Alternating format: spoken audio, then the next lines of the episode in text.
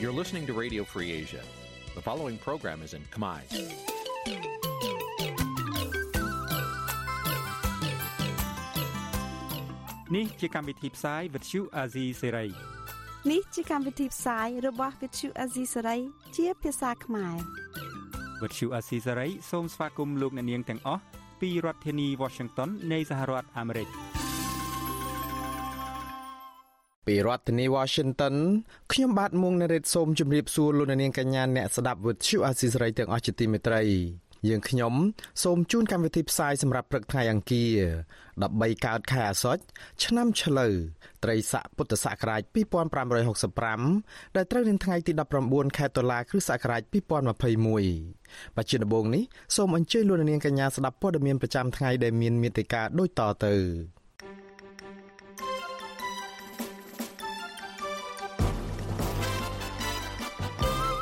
សហគមន៍ខ្មែរនៅក្រៅប្រទេសគ្រោងធ្វើបាតកម្មទាមទារឲ្យរបបក្រុងភ្នំពេញងាកមកគោរពកិច្ចព្រមព្រៀងសន្តិភាពទីក្រុងប៉ារីឡើងវិញអ្នកជំនាញក្រើនរំលឹកដល់នយោបាយខ្មែរឲ្យចេះធ្វើជាគំរូនៅក្នុងការរួបរวมផ្សះផ្សាជាតិអាញាធរក្រុងភ្នំពេញលែងតម្រូវឲ្យក្មេងអាយុក្រោម18ឆ្នាំ បង្ហាញបានចាក់វ៉ាក់សាំងតទៅទៀត ធានក្រុមអ្នកវិភាគវ័យក្មេងថាចំណាត់ការរបស់អាជ្ញាធរក្នុងការបង្ក្រាបយុវជន គឺមិនបានផលរយៈពេលយូរនោះទេ រួមនឹងព័ត៌មានផ្សេងផ្សេងមួយចំនួនទៀតបច្ចុប្បន្នតទៅទីនេះខ្ញុំបាទមុងណារ៉េតសូមជូនព័ត៌មានទាំងនេះពឺស្ដាបាទលោកនាងជាទីមេត្រីអ្នកគាំទ្រគណៈបកសង្គ្រោះជាតិនៅឯក្រៅប្រទេសនាំគ្នាត្រៀមហាយក្បួនរំលឹកថ្ងៃខួប30ឆ្នាំនៃការចុះហត្ថលេខាលើកិច្ចព្រមព្រៀងសន្តិភាពទីក្រុងប៉ារី ក្រុមអ្នកគាំទ្រគណៈបកនេះនៅសហរដ្ឋអាមេរិកគ្រោងនឹងធ្វើពិធីរំលឹកខួបនេះរយៈពេល2ថ្ងៃជាប់ជាប់គ្នានៅរដ្ឋធានី Washington សេចក្តីជូនដំណឹងអំពីពិធីហាយក្បួននេះឲ្យដឹងថានៅថ្ងៃទី1គឺត្រូវនឹងថ្ងៃទី22ខែតុលាវេលាម៉ោង10ព្រឹកនឹងមានការជួបជុំហាយក្បួននៅវិមានព្រឹទ្ធសភារីឯនៅថ្ងៃបន្ទាប់ក្រុមបាតកោនឹងហាយក្បួនទៅជួបជុំគ្នានៅខាងមុខស្ថានទូតខ្មែរប្រចាំនៅសហរដ្ឋអាមេរិកដែលកម្មវិធីនឹងចាប់ផ្ដើមនៅម៉ោង2រសៀល នៅឯប្រទេសបារាំងឯណោះវិញក្រុមអ្នកគាំទ្រគណៈបកសង្គ្រោះជាតិគ្រងនឹងហាយក្បួនធំឬមហាបាតកម្មនៅទីក្រុងប៉ារីដោយចាប់ផ្ដើមពីម៉ោង2រសៀលដល់ម៉ោង5ល្ងាចនៅថ្ងៃទី23ខែតុលាមិនខុសគ្នានេះដែរនៅឯប្រទេសជប៉ុនក្រុមអ្នកគាំទ្រគណៈបកសង្គ្រោះជាតិនឹងជួបជុំហាយក្បួននៅទីក្រុងតូក្យូនៅថ្ងៃសៅរ៍ទី23ខែតុលាចាប់ផ្ដើមពីម៉ោង1រសៀល សេចក្តីជូនដំណឹងអំពីការហែកក្បួននេះឲ្យដឹងថាពួកគេមានបំណងពីរសំខាន់គឺរំលឹកខួប30ឆ្នាំនៃការបង្កើតកិច្ចព្រមព្រៀងសន្តិភាពទីក្រុងប៉ារីនិងស្នើសុំឲ្យបណ្ដាប្រទេសជាម្ចាស់ហត្ថលេខីនៃកិច្ចព្រមព្រៀងនេះជួយធ្វើឲ្យកិច្ចព្រមព្រៀងនេះត្រូវបានអនុវត្តពេញលេញឡើងវិញដើម្បីស្ដារប្រជាធិបតេយ្យនៅកម្ពុជា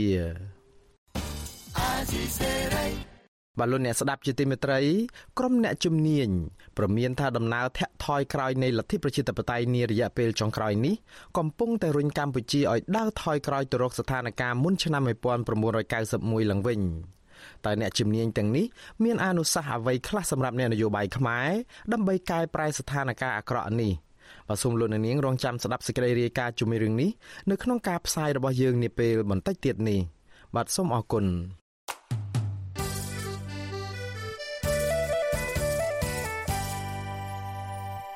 បានលោកនាងជាទីមេត្រីងាកមកព័ត៌មានអំពីស្ថានភាពជំងឺ Covid-19 ឯណោះទៅវិញអ្នកជំងឺ Covid-19 ចំនួន12អ្នកទៀតបានស្លាប់កាលពីម្សិលមិញដែលក្នុងនោះ4អ្នកបានចាក់វ៉ាក់សាំងរួចនេះគឺជាលើកទី1ហើយដែលក្រសួងសុខាភិបាលបានបញ្ចេញតួលេខអ្នកចាក់វ៉ាក់សាំងរួចដែលស្លាប់ដោយសារតែជំងឺ Covid-19 នេះ បើតាមសេចក្តីជូនដំណឹងរបស់ក្រសួងសុខាភិបាលអត្រានៃអ្នកចាក់វ៉ាក់សាំងរួចក៏ប៉ុន្តែនៅតែស្លាប់ដោយសារជំងឺនេះគឺមានជាង33%នៅក្នុងចំណោមអ្នកស្លាប់កាលពីថ្ងៃម្សិលមិញនោះករណីឆ្លងថ្មី មានជិត200នាក់នៅក្នុងនោះមាន22នាក់ជាករណីនាំចូលពីក្រៅប្រទេសនេះគឺជាលទ្ធផលដែលបញ្ជាក់ដោយម៉ាស៊ីនពិសោធន៍ PCR គិតមកត្រឹមថ្ងៃទី18ខែតុលាម្សិលមិញនោះដែរកម្ពុជាមានអ្នកកើតជំងឺ Covid-19 ជាង116,000នាក់ នៅក្នុងនោះអ្នកជាសះស្បើយមានប្រមាណជាង111,000នាក់ចំណែកឯករណីស្លាប់ដោយសារតែជំងឺ Covid-19 វិញក្រសួងអះអាងថាបានកើនឡើងដល់2670នាក់ហើយក្រសួងសុខាភិបាលប្រកាសថាគិតមកត្រឹមថ្ងៃទី16ខែតុលារដ្ឋាភិបាលបានចាក់វ៉ាក់សាំងជូនប្រជាពលរដ្ឋដែលគ្រប់អាយុបានជាង90%នៅក្នុងចំណោម10លាននាក់ ចំណែកឯកុមារនិងយុវជនដែលមានអាយុចាប់ពី6ឆ្នាំដល់17ឆ្នាំវិញក្រសួងបញ្ជាក់ថាបានចាក់វ៉ាក់សាំងជាង3លាន6សែននាក់ក្នុងចំណោមអ្នកដែលត្រូវចាក់វ៉ាក់សាំងជិត4លាននាក់ តកតងទៅនឹងវិធានការការពារវិញ កាលពី2សប្តាហ៍មុនអាជ្ញាធរក្រុងភ្នំពេញបានកំណត់លក្ខខណ្ឌឲ្យប្រជាពលរដ្ឋទាំងអស់ដែលបានចាក់វ៉ាក់សាំងរួចត្រូវតែបង្ហាញបានចាក់វ៉ាក់សាំងនេះរាល់ពេលចេញចូលទីតាំងអគារសាធារណៈជាច្រើនដោយឡែកអានិតិជន ដែលមានអាយុចាប់ពី6ឆ្នាំដល់17ឆ្នាំតម្រូវឲ្យមេដាបិតាឬក៏អាណាព្យាបាលរបស់ពួកគាត់ជាអ្នកបង្ហាញបាននេះជំនួសពួកគាត់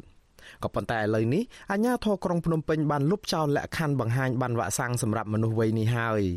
នៅក្នុងសេចក្តីណែនាំបន្ថែមកាលពីថ្ងៃទី17ខែតុលាអាជ្ញាធរក្រុងភ្នំពេញថាការលើកលែងនេះគឺធ្វើឡើងដោយសារតែអាជ្ញាធរពាក់ព័ន្ធអះអាងថាមនុស្សវ័យនេះមិនមែនជាក្រុមអ្នកចម្លងជំងឺនេះទេ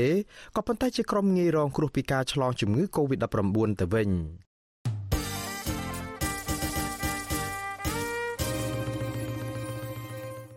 បាទលោកនាងជាទីមេត្រីព័ត៌មានដាច់ដライមួយផ្សេងទៀតតកតងនឹងការបោះពុំក្រដាស់ប្រាក់ថ្មី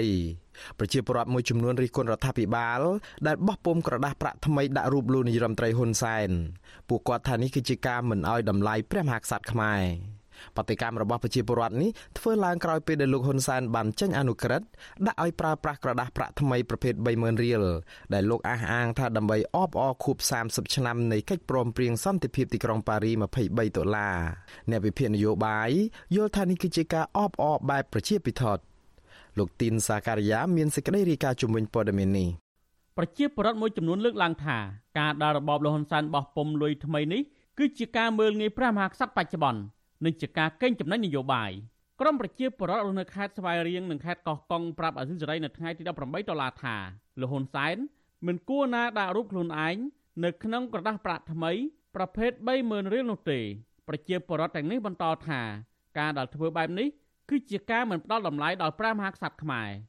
បន្ថែមពីនេះពួកគាត់មើលឃើញថាការបោះពុំលុយថ្មីនេះមិនមែនជាការអបអរខួប30ឆ្នាំ នៃកិច្ចព្រមព្រៀងសន្តិភាពទីក្រុងប៉ារីសថ្ងៃ23ដុល្លារនោះទេក៏ប៉ុន្តែលោកហ៊ុនសែនបែរជាចង់លើកខ្លួនឯងចង់ធ្វើជាស្ដេចពីព្រោះរបបឯកបកមិនបានគោរពសិទ្ធិមនុស្សនិងបានបំផ្លាញប្រជាធិបតេយ្យខ្ញុំអត់គ្រប់គ្រងទេបើសិនជាគាត់ដាក់សម្ដេចព្រះមហាក្សត្រសីហមុនីអានឹងខ្ញុំគ្រប់គ្រងព្រោះអីគាត់ជាព្រះមហាក្សត្រនៅគាត់នៅរស់ជំនួដល់ពេលដាក់ ព្រះបរមរតនកោដ្ឋហើយនឹងគាត់វិញអញ្ចឹងព្រះមហាក្សត្រសប្ថ្ងៃហ្នឹងគាត់លុបបំបត្តិចោលតែម្ដងមួយថ្ងៃមួយថ្ងៃគាត់គិតតែពីរឿងប្រយោជន៍តខ្លួនរបស់គាត់គាត់មិនដែលគិតប្រយោជន៍ជាពលរដ្ឋគាត់មិនដែលគិតថាជាពលរដ្ឋរស់នៅទឹកដីខ្មែរត្រូវការអ្នកណាស្រឡាញ់អ្នកណាជ្រើសរើសអ្នកណាឬមួយគោរពអ្នកណាផងរបស់គាត់យកតែខ្លួនគាត់ត្រូវយកតែខ្លួនគាត់ល្អតែឯងអញ្ចឹងអត់មានគ្រប់សិទ្ធិជាពលរដ្ឋផងមួយថ្ងៃទៅថ្ងៃឃើញតែយំមិនស្រេចដូចគ្នាដែរសកម្មជនគណៈបកប្រឆាំងដែលកំពុងតែភៀសខ្លួននៅប្រទេសថៃលោកផុងសុជាតិថ្លែងថា ការដែលលោកហ៊ុនសែនបោះពុំលុយថ្មីនេះគឺជាការបំភាន់ភ្នែកប្រជាពលរដ្ឋដើម្បីកេងចំណេញនយោបាយតែប៉ុណ្ណោះលោកយល់ថាការធ្វើបែបនេះពីព្រោះលោកហ៊ុនសែនដឹងថាសប្តាហ៍ថ្ងៃនេះលែងមានប្រជាពលរដ្ឋគ្រប់គ្រងលោកទៀតហើយហើយដូច្នេះហើយសម្រាប់រូបខ្ញុំផ្ទាល់គឺថាសូមថ្កោលទោសយ៉ាងខ្លាំងក្លាចំពោះអំពើរំលោភរបស់លោកហ៊ុនសែនចំពោះជាតិខ្មែរនេះពួកលោកកំពុងតែតាំងខ្លួនថាគឺជាស្ដេច នៅក្នុងប្រទេសហើយលោកយករូបខ្លួនឯងមកដាក់នៅក្នុងគេហៅថារូបិយប័ណ្ណរបស់ជាតិនេះគឺថាលោករំលោភយ៉ាងធ្ងន់ធ្ងរប្រតិកម្មរបស់បរដ្ឋទាំងនេះក្រោយពេលរដ្ឋាភិបាលបានចេញអនុក្រឹត្យអនុញ្ញាតឲ្យចរាចរណ៍និងប្រើប្រាស់ក្រដាសប្រាក់ប្រភេទ30000រៀលគម្រោងថ្មីលោកហ៊ុនសែនបង្ហោះសារនៅក្នុង Facebook របស់លោកថា ការបោះពុំលុយថ្មីនេះដើម្បីអបអរសាទរខួប30ឆ្នាំនៃកិច្ចព្រមព្រៀងសន្តិភាពទីក្រុងប៉ារីស និងខួប30ឆ្នាំនៃការយាងចូលនិវត្តន៍របស់ព្រះករុណាព្រះបាទសម្ដេចព្រះនរោត្តមសីហនុនៅក្នុងក្រដាស់ថ្មីនេះមានដាក់រូបលោកហ៊ុនសែនឈរចាប់ដៃជាមួយសម្ដេចព្រះនរោត្តមសីហនុអតីតព្រះមហាក្សត្រខ្មែរអ្នកប្រើប្រាស់បណ្ដាញសង្គម Facebook បានបង្ហោះសាររិះគន់ប្រងព្រាតថាការបោះពុំលុយថ្មីដល់ដាក់រូបលោកហ៊ុនសែននេះគឺជាការមើលងាយដល់ព្រះមហាក្សត្របច្ចុប្បន្ននិងជាការបញ្ជាក់ថាលោកហ៊ុនសែនចង់ធ្វើអ្វីក៏បានតាមតែអំពើចិត្តលើសពីនេះទៀត បរដ្ឋមួយចំនួនរិះគន់ថារបបលោកហ៊ុនសែនមិនបានផ្ដល់តម្លៃនិងបានបំពេញតាមកិច្ចសន្យាដែលមានចែងនៅក្នុងកិច្ចព្រមព្រៀងសន្តិភាពទីក្រុងប៉ារីសនោះទេពីព្រោះកាលពីឆ្នាំ2019របបឯកបកបានលុបចោលទិវារំលឹកខួបនៃកិច្ចព្រមព្រៀងសន្តិភាពទីក្រុងប៉ារីស23ដុល្លារចេញពីប្រតិទិនឈប់សម្រាកប្រចាំឆ្នាំតើតើនឹងបញ្ហានេះអ្នកនាំពាក្យគណៈបកកាន់អំណាចលោកសុកអេសានប្រាប់វិទ្យុអាស៊ីសេរីថាការបោះពុំលុយថ្មីនេះ គឺជាការលើកដំកើងវីរភាពសម្ដេចព្រះនរោត្តមសីហនុចំពោះការដាក់រូបលោកហ៊ុនសែនវិញលោកបញ្ជាក់ថានេះជានិមិត្តរូបដើម្បីបង្ហាញឲ្យឃើញថាអតីតព្រះមហាក្សត្រនៅលោកហ៊ុនសែនជាអ្នកប្រួយផ្ដើមនាំមកនូវកិច្ចព្រមព្រៀងសន្តិភាពនៅក្នុងប៉ារីសអញ្ចឹងវាជាអនុស្សាវរីយ៍តាវាមានតែរឿងស្អីអឺធ្វើឲ្យប៉ះពាល់ដល់កិត្តិយសព្រះមហាក្សត្រវាអត់មានទេ ទោះបីជាយ៉ាងនេះក្តីនាយវិភាននយោបាយលោកមរិតឡាវបង្ហាញមើលឃើញថាការបោះពុំលុយថ្មីដើម្បីអបអរសាទរខួបគម្រប់30ឆ្នាំនៃកិច្ចព្រមព្រៀងសន្តិភាពនៅក្នុងប៉ារីសនេះមិនមានអ្វីសំខាន់នោះទេព្រោះជាការធ្វើឲ្យល្អមើលតែសម្បកក្រៅតែប៉ុណ្ណោះលោកបញ្ជាក់ថាអ្វីដែលសំខាន់រដ្ឋាភិបាលគួរតែអនុវត្តខ្លឹមសារនៃកិច្ចព្រមព្រៀងសន្តិភាពនៅក្នុងប៉ារីសឲ្យបានត្រឹមត្រូវទើបបានជាប្រយោជន៍ជាតិលោកបញ្យលទៀតថា កិច្ចព្រមព្រៀងសន្តិភាពនៅក្នុងប៉ារីស23ដុល្លារឆ្នាំ1591គឺជាកិច្ចព្រមព្រៀងដែលធានាជាអន្តរជាតិអំពីអធិបតេយ្យភាពបូរណភាពទឹកដីឯករាជ្យឯកភាពជាតិធានាលើការគោរពនៅលទ្ធិប្រជាធិបតេយ្យនិងការគោរពសិទ្ធិមនុស្សជាដើម។ ដូចសប្តាហ៍ថ្ងៃនេះមានការចងសម្ព័ន្ធភាពខាងយោធាដើម្បីការពារតំបន់អាស៊ីប៉ាស៊ីហ្វិកកាលើគេហៅថាអាំងដូប៉ាស៊ីហ្វិកហ្នឹងបាទចេះរួចដល់ចឹងយើងប្រឈមមុខដាក់គ្នាវាទៅជាដែលយើងនឹងបាទគេឲ្យនៅដែលឈាមអាជាក្រិតដាច់មកហើយប្រទេសទាំងអស់ហ្នឹងពាក់ព័ន្ធហ្នឹងគឺសិតតែសន្យាគោរពអាជាក្រិតភាពហ្នឹងណាដូច្នេះគឺយើងឥឡូវហ្នឹងគឺដល់យើងដែលបោះបង់ចោលអាជាក្រិតភាពយើងយើងទៅដែលចូលក្នុង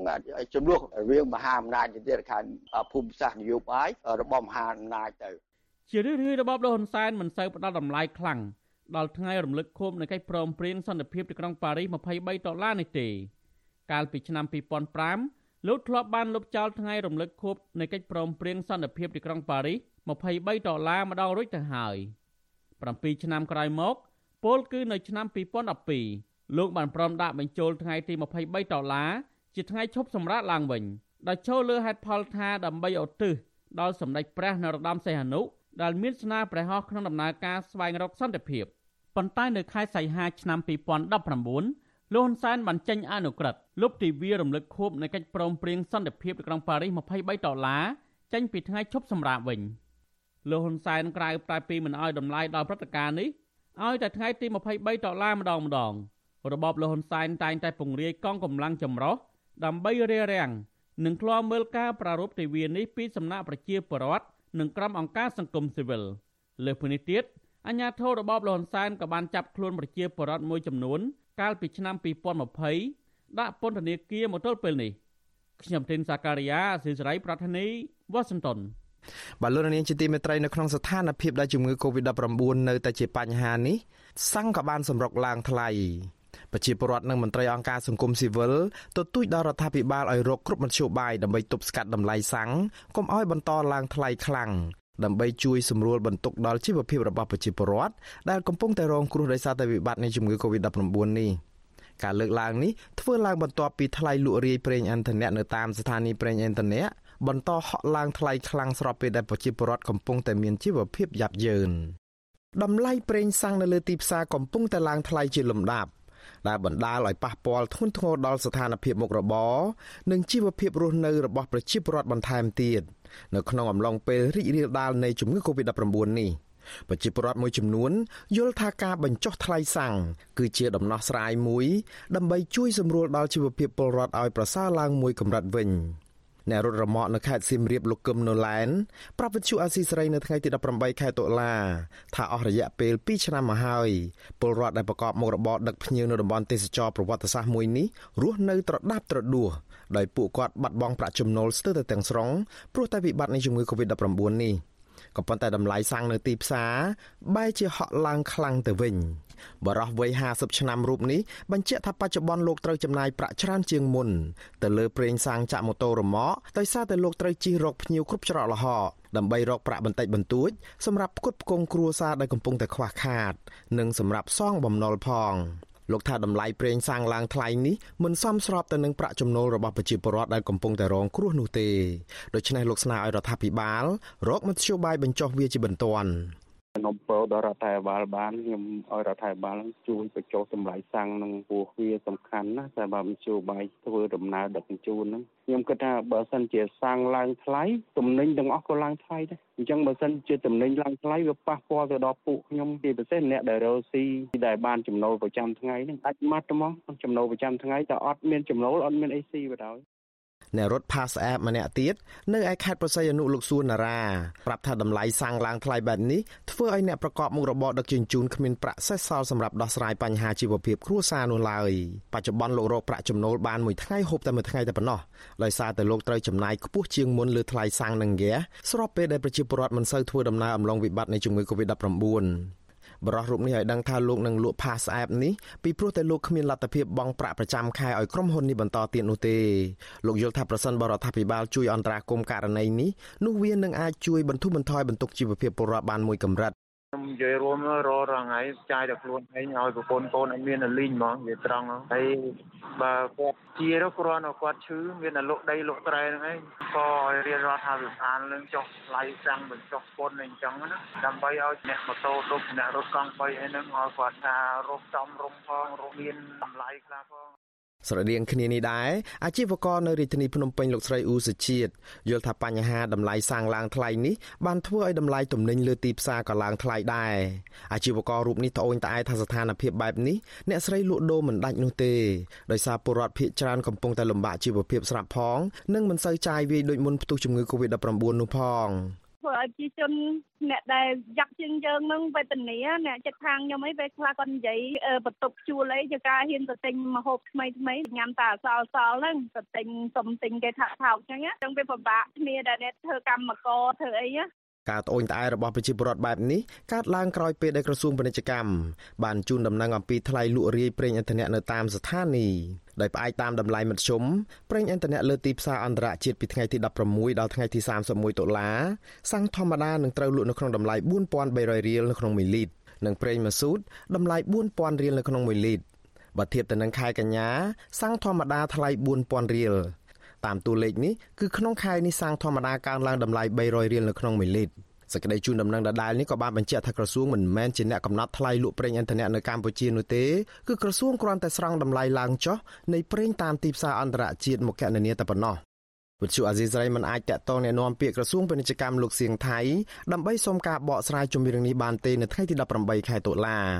រឿងសាំងឡើងថ្លៃនៅក្នុងពេលដែលជីវភាពពលរដ្ឋកំពុងតែដុនដាបនេះធ្វើឲ្យមន្ត្រីសង្គមស៊ីវិលផ្នែកសេដ្ឋកិច្ចក្រៅប្រព័ន្ធក៏ព្រួយបារម្ភដែរប្រធានសមាគមឯករាជ្យនៃសេដ្ឋកិច្ចក្រៅប្រព័ន្ធលោកវុនពៅមានប្រសាសន៍ថារដ្ឋាភិបាលមិនគួរបណ្តែតបណ្តោយឲ្យតម្លៃប្រេងឥន្ធនៈនិងទំនិញនៅលើទីផ្សារឡើងថ្លៃចំពេលដែលប្រជាពលរដ្ឋរងគ្រោះផ្ទុនផ្ទួនគ្នាបែបនេះនោះទេលោកថាតម្លៃប្រេងឥន្ធនៈគឺជាបញ្ហាអាទិភាពដែលធានានៅដំណើរការមុខរបរអាជីវកម្មសម្រាប់ជួយជីវភាពប្រជាពលរដ្ឋដែលប្រកបមុខរបរសេដ្ឋកិច្ចក្រៅប្រព័ន្ធផ្នែកកសិកម្មទេសចរនិងវិនិយោគនៅក្នុងប្រទេសលោកសង្កេតឃើញថាកន្លងមករដ្ឋាភិបាលធ្លាប់មានចំណាត់ការខ្លះដែរក៏ប៉ុន្តែករណីនេះហាក់មិនមានប្រសិទ្ធភាពនៅឡើយទេបើធៀបទៅនឹងចំណាត់ការរបស់ប្រទេសជិតខាងនៅក្នុងការដោះស្រាយបញ្ហាដូចគ្នានេះ មន្ត្រីអង្គការសង្គមស៊ីវិលរូបនេះជឿជាក់ថារដ្ឋាភិបាលអាចដោះស្រាយបញ្ហានេះបានប្រសិនបើមានឆន្ទៈចង់ដោះស្រាយបញ្ហាទុកលំបាកជូនប្រជាពលរដ្ឋពិតប្រាកដមែនដូច្នេះលោកជំរុញឲ្យភាគីពាក់ព័ន្ធទាំងអស់ជជែកគ្នាឲ្យបានឆាប់ដើម្បីរកមធ្យោបាយទប់ស្កាត់តម្លៃប្រេងឥន្ធនៈឡើងថ្លៃនេះ គណៈនេះរដ្ឋត្រូវគិតគូរជាបន្ទាន់ទៅជែកជាមួយក្រុមហ៊ុនសាំងទាំងអស់ហ្នឹងក្រុមហ៊ុននាំចូលប្រេងឥន្ធនៈហ្នឹងដើម្បីធ្វើយ៉ាងណារៀបចំឲ្យតម្លៃសាំងចុះទាបវិញឬក៏រដ្ឋត្រូវពិនិត្យមើលជជែកមួយក្រសួងពាក់ព័ន្ធថាតើពិនិត្យមើលនៅការពន្ធនាំចូលនិងអាពន្ធលក់ចេញក្នុង1លីត្រ1លីត្រហ្នឹងអាពន្ធ VAT ហ្នឹងតើរដ្ឋគួរពិនិត្យពិចារណាយ៉ាងណាឲ្យពន្ធហ្នឹងរៀងចុះបន្តិចមកព្រោះសាំងវាជាចំណុចសំខាន់ចុះពន្ធឬក៏រដ្ឋមានការតបថាវិការឧបត្ថម្ភធនយ៉ាងម៉េចដើម្បីឲ្យសាំងកុំឲ្យហក់ឡើងខ្ពស់អញ្ចឹងតម្លៃប្រេងសាំងនៅកម្ពុជា តែងហក់ឡើងលឿនជាងបណ្ដាប្រទេសដទៃរួមមានប្រទេសថៃជាដើមហើយតម្លៃប្រេងសាំងតែងតែធ្លាក់ចុះបន្តិចវិញនៅពេលជិតដល់រដូវកាលបោះឆ្នោតរួចហើយក៏ចាប់ផ្ដើមហក់ឡើងខ្លាំងវិញក្រោយពេលបោះឆ្នោតរួច អ្នកជំនាញសេដ្ឋកិច្ចចាត់ទុកថាកម្ពុជា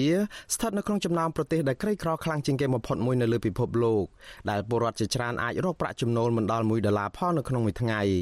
លើសពីនេះនៅក្នុងស្ថានភាពជំងឺ Covid-19 បែបនេះប្រជាពលរដ្ឋជាច្រើនបានត្អូញត្អែថាពួកគាត់បាត់បង់ប្រាក់ចំណូលទាំងស្រុងតែម្ដង តាមធម្មតាតម្លៃសាំងចុះថ្លៃបានគឺទាល់តែរដ្ឋបន្ថយការយកពន្ធលើប្រេងឥន្ធនៈនិងរដ្ឋបញ្ចេញកញ្ចប់ថវិកាដើម្បីជួយចេញខាតពេលសាំងនៅលើទីផ្សារអន្តរជាតិឡើងថ្លៃដើម្បីរក្សាតម្លៃសាំងឲ្យនៅទាបឬថេរ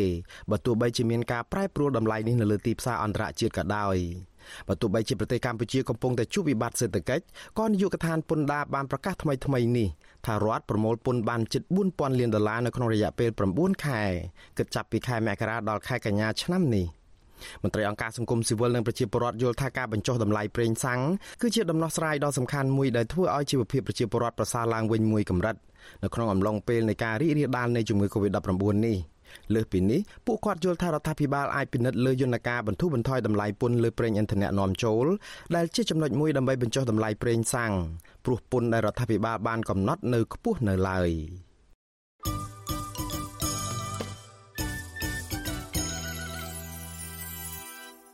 បាទលោកនាងជាទីមេត្រីលោកនាងកំពុងតែស្ដាប់ការផ្សាយរបស់ Vuthu Azisery ផ្សាយចេញពីរដ្ឋធានី Washington សហរដ្ឋអាមេរិក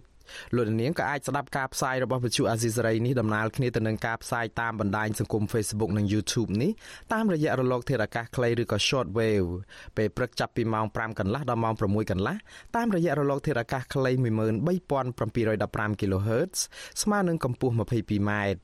ពេលយប់ចាប់ពីម៉ោង7កន្លះដល់ម៉ោង8កន្លះតាមរយៈរលកធាតុអាកាសខ្លី8960 kHz ស្មើនឹងកម្ពស់ 30m និង11240 kHz ស្មើនឹងកម្ពស់ 25m បាទសូមអរគុណ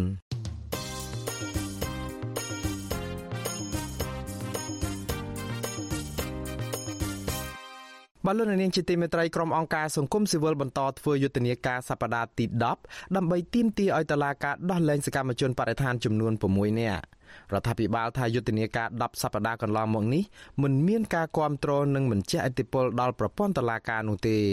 ក៏ប៉ុន្តែសាច់ញាតិអ្នកជាប់ឃុំស្វាគមន៍ចំពោះយុទ្ធនាការនេះបាទលោកជាតិចំណាន មានសេចក្តីរាយការណ៍ជំវិញព័ត៌មាននេះយុទ្ធនាការសប្តាហ៍ទី10នេះក្រុមអង្គការសង្គមស៊ីវិលបានទាញការចាប់អារម្មណ៍ ថានៅមុនពេលដែលចាប់ខ្លួនយុវជនការពារបរិស្ថានទាំង6រូបតែងតែលើកឡើងពីបញ្ហាបរិស្ថាន ជាពិសេសការស្នើសុំឲ្យបញ្ឈប់ការលុបបង្កតមោកឬបឹងទំនប់កប់ស្រូវដែលជាបឹងធំចុងក្រោយក្នុងរាជធានីភ្នំពេញអាជ្ញាធររដ្ឋមិនបានយកចិត្តទុកដាក់ទេចំពោះសំណើរបស់យុវជនផ្ទុយទៅវិញយុវជនទាំងនោះបែរជាត្រូវរងការចោទប្រកាន់ចាប់ខ្លួននិងឃុំខ្លួនក្នុងពន្ធនាគារដោយមិនត្រឹមត្រូវទៅវិញយុទ្ធនាការសប្តាហ៍ទី10នេះក្រមសង្គមស៊ីវិល បានបង្ហោះរូបភាពខុសប្លែកពីសប្តាហ៍មុនមុនដោយបញ្ចូលរូបភាពបែបកំ pl ែងចំអកក្នុងការបដិសេធសំណើលុបបង្ករបស់យុវជនទាំង6នាក់និងការពេញចិត្តចំពោះការចាក់ដីលុបបង្កជាដើមក្រមសង្គមស៊ីវិល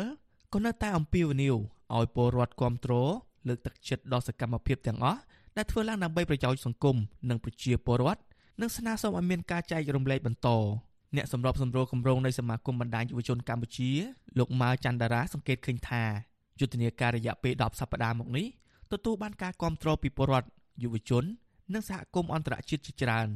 លោកតែងតែមានជំនឿថាតុលាការនឹងទម្លាក់បទចោទឲ្យដោះលែងយុវជនការពារប្រធានទាំង6នាក់ឲ្យមានសេរីភាពឡើងវិញ។ ទោះបីការចាប់សកម្មជនបកឋានទាំង6នាក់នេះវាអាចជាផ្នែកមួយនៃការបន្លាចឲ្យធ្វើឲ្យប្រជាពលរដ្ឋឬមួយក៏យុវជនផ្សេងទៀតភ័យខ្លាចប៉ុន្តែយើងមើលឃើញថាសន្ទុះនៃការចូលរួមរបស់គាត់គឺនៅតែដដែលហើយយើងមើលឃើញថាយុវជនខ្លះគាត់បានយកគំរូភាពរបស់សកម្មជនទាំងអស់ហ្នឹងសម្រាប់ជានិមិត្តរូបឬមួយក៏តំណាងសម្រាប់ឲ្យគាត់អាចចាប់ដើមធ្វើសកម្មភាពផ្សេងផ្សេងឬមួយសកម្មភាពតូចតូចនៅក្នុងកិច្ចការពារបកឋានទុនជាធម្មជាតិនៅក្នុងតំបន់របស់គាត់ផងដែរបាទសកម្មជនបរិស្ថាននៃចលនាមេដាធម្មជាតិទាំង6នាក់បច្ចុប្បន្នកំពុងជាប់ឃុំក្នុងពន្ធនាគារ ដោយសារតែសកម្មភាពការពារបរិស្ថាន និងការហ៊ានសម្ដែងមតិទាមទារឲ្យរដ្ឋាភិបាលបញ្ឈប់សកម្មភាពលុបបង្កពួកគេកំពុងប្រឈមនឹងបទចោទដ៏ច្រើនហើយធ្ងន់ធ្ងរដូចជាបទញុះញង់បទរោគគំនិតក្បត់ និងបទប្រមាថព្រះមហាក្សត្រសកម្មជនទាំងនេះមាន3នាក់គឺលោកធុនរដ្ឋាកញ្ញាលងគុន្ធានិងកញ្ញាភួនកែវរស្មីត្រូវបានតុលាការកាត់ទោសឲ្យជាប់ពន្ធនាគារពី18ទៅ20ខែក្នុងបទញុះញង់ឲ្យមានភាពវឹកវរធ្ងន់ធ្ងរដល់សន្តិសុខសង្គម បន្ថែមពីនេះចៅក្រមក៏កំពុងស៊ើបអង្កេតករណីបទចោទបន្ថែមមួយទៀតគឺបទរួមគំនិតក្បត់លើសកម្មជនទាំង3នាក់នេះដែរឯសកម្មជន3នាក់ទៀតត្រូវបានសមត្ថកិច្ចចាប់ឃុំខ្លួនកាលពីខែមិថុនាគឺលោកយឹមលៀងហ៊ីលោកលីចន្ទរាវុធនិងកញ្ញាសុនរដ្ឋាពួកគេទាំង3នាក់កំពុងស្ថិតក្នុងនីតិវិធីឃុំខ្លួនបណ្ដោះអាសន្នពីបទប្រមាថព្រះមហាក្សត្រនិងរូបគំនិតក្បត់ ជុំវិញរឿងនេះអ្នកនាំពាក្យនឹងជាសមាជិកគណៈកម្មាធិការសិទ្ធិមនុស្សកម្ពុជាលោកកតាអនប្រាប់វិសុអាស៊ីសេរីនៅថ្ងៃទី18ខែតុលាថាក្រមសង្គមស៊ីវិលមានសិទ្ធិធ្វើយុទ្ធនាការនេះប៉ុន្តែលោកផ្ដាំឲ្យក្រមអង្គការសង្គមស៊ីវិលប្រុងប្រយ័ត្នចំពោះសកម្មភាពទាំងឡាយដែលគ្រប់គ្រងដល់ក្រិតជនឬក្រុមឧទាម អញ្ចឹងហើយខ្ញុំសូមផ្ញើសារជូនទៅគាត់ថាសូមពិនិត្យមើលសកម្មភាពឲ្យបានច្បាស់ចំពោះសារគ្រប់គ្រងទាំងឡាយណាឬមួយសកម្មភាពទាំងឡាយណាដែលពាក់ព័ន្ធទៅនឹងជនល្មើសជិះវៀងក្រែងមានបទចោទណាមួយកើតឡើងដែលប៉ះពាល់ទៅនឹងបងប្អូនក្រុមអង្គការសង្គមស៊ីវិលនឹងបន្តយុទ្ធនាការបង្ហោះសារតាមបណ្ដាញសង្គម Facebook ដើម្បីទាមទារឲ្យដោះលែងសកម្មជននិងអ្នកការពារសិទ្ធិមនុស្សដែលកំពុងជាប់ឃុំទាំងអស់រាល់សប្តាហ៍រហូតដល់ទិវាសិទ្ធិមនុស្សអន្តរជាតិ10ធ្នូ សាច់ញាតិអ្នកជាប់ឃុំគ្រប់គ្រងចំពោះយុទ្ធនាការនេះនឹងនៅតែទទូចឲ្យតុលាការដោះលែងកូនកូនរបស់ពួកគេឲ្យមានសេរីភាពឡើងវិញម្ដាយរបស់សកម្មជនមេដាធម្មជាតិកញ្ញាលងខុនធាគឺលោកស្រីសានសារ៉នឲ្យដឹងនៅថ្ងៃទី18ខែតុលាក្រោយពេលដែលលោកស្រីបានជួបសួរសុខទុក្ខកូនស្រីនៅក្នុងពន្ធនាគារថាលោកស្រីនៅតែមានបំណងស្នើសុំឲ្យតុលាការទម្លាក់បទចោទទាំងអស់ហើយដោះលែងកូនស្រីឲ្យត្រឡប់ទៅរៀនសូត្រវិញលោកស្រីឲ្យដឹងថាកញ្ញាលងគុន្ធាស្គមជាងមុន នឹងកាត់កន្ទួលរមាស់ដោយអ្នកជាប់ឃុំផ្សេងទៀតដែរប៉ុន្តែកញ្ញាមានស្មារតីល្អព្រោះកន្លែងកញ្ញាសម្រាករៀងធំជាងមុនបន្តិចដែលអាចធ្វើឲ្យកញ្ញាអាចសម្រាកប្រែខ្លួនឡើងចុះបានចាខ្ញុំមិនចង់ទេសង្ឃឹមថាតឡាការតម្លាក់ចោលទៅគាត់ចោលសំណុំពើឲ្យតឡាការតម្លាក់ចោលបាត់ចោលហើយដោះលែងកូនខ្ញុំមកវិញមករបបក្រុងភ្នំពេញបានចាប់ខ្លួនសកម្មជននយោបាយសង្គមសិទ្ធិមនុស្សបរិស្ថាន គ្រូបង្រៀននិងអ្នកហ៊ានបញ្ចេញមតិរិះគន់ ដាក់ពន្ធនាគារជិត90នាក់ហើយចាប់តាំងពីឆ្នាំ2020មកអង្គការសិទ្ធិមនុស្សជាតិអន្តរជាតិនិងក្រុមអ្នកជំនាញសិទ្ធិមនុស្សនៃអង្គការសហប្រជាជាតិបានទាមទារឲ្យរបបក្រុងភ្នំពេញដោះលែងសកម្មជនទាំងអស់នោះឲ្យមានសេរីភាពឡើងវិញព្រោះការឃុំខ្លួនទាំងនោះគឺជាការបង្ក្រាបលើសម្លេងរិះគន់សុតសាតខ្ញុំបាទជាចំណាន Visual Assisray ពីរដ្ឋធានី Washington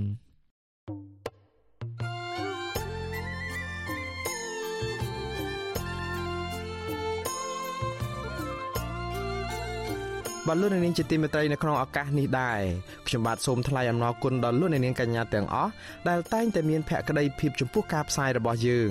ហើយចាត់ទុកការស្ដាប់វិទ្យុអាស៊ីសេរីជាផ្នែកមួយនៃសកម្មភាពប្រចាំថ្ងៃរបស់លោកនាង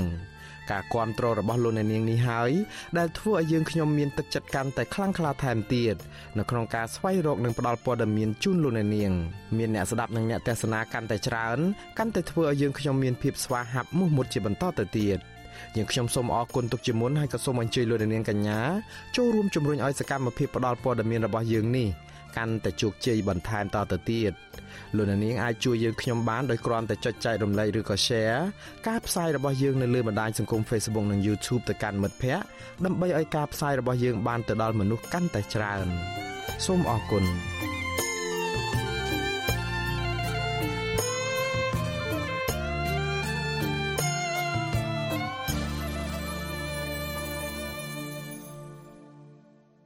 បានលោកនាងជាទីមេត្រីតំណាងសហគមន៍ស្រែប្រាំងដែលចេញពីពន្ធនាគារខេត្តត្បូងឃ្មុំក្រោយអនុវត្តទោសគ្រប់និងបន្តស្វែងរកកិច្ចអន្តរាគមន៍និងស្នើសុំដំណោះស្រាយពីស្ថាប័នជាតិនៅក្នុងវិវាទដីធ្លីជាមួយនឹងក្រុមហ៊ុនចិនស្របគ្នានេះលោកក៏អំពាវនាវដល់តុលាការឲ្យដោះលែងប្រជាពលរដ្ឋដែលមានចំនួនដីធ្លី3នាក់ទៀតឲ្យមានសេរីភាពជួបជុំក្រុមគ្រួសារឡើងវិញបាទលោកមានរិទ្ធមានសេចក្តីរាយការណ៍ជំវិញព័ត៌មាននេះ ជាកសិករមួយរូបនៅភូមិស្រែប្រាំងឃុំតាពាំងព្រីងស្រុកដំបែខេត្តត្បូងឃ្មុំលោកសែមសាងត្រូវបានអ្នកភូមិពឹងពាក់ឲ្យឈរជាតំណាងរបស់ពួកគាត់នៅក្នុងកិច្ចការស្វែងរកដំណោះស្រាយវិវាទដីធ្លីពីអាជ្ញាធរនិងក្រសួងពាក់ព័ន្ធជាច្រើនលើកច្រើនសារ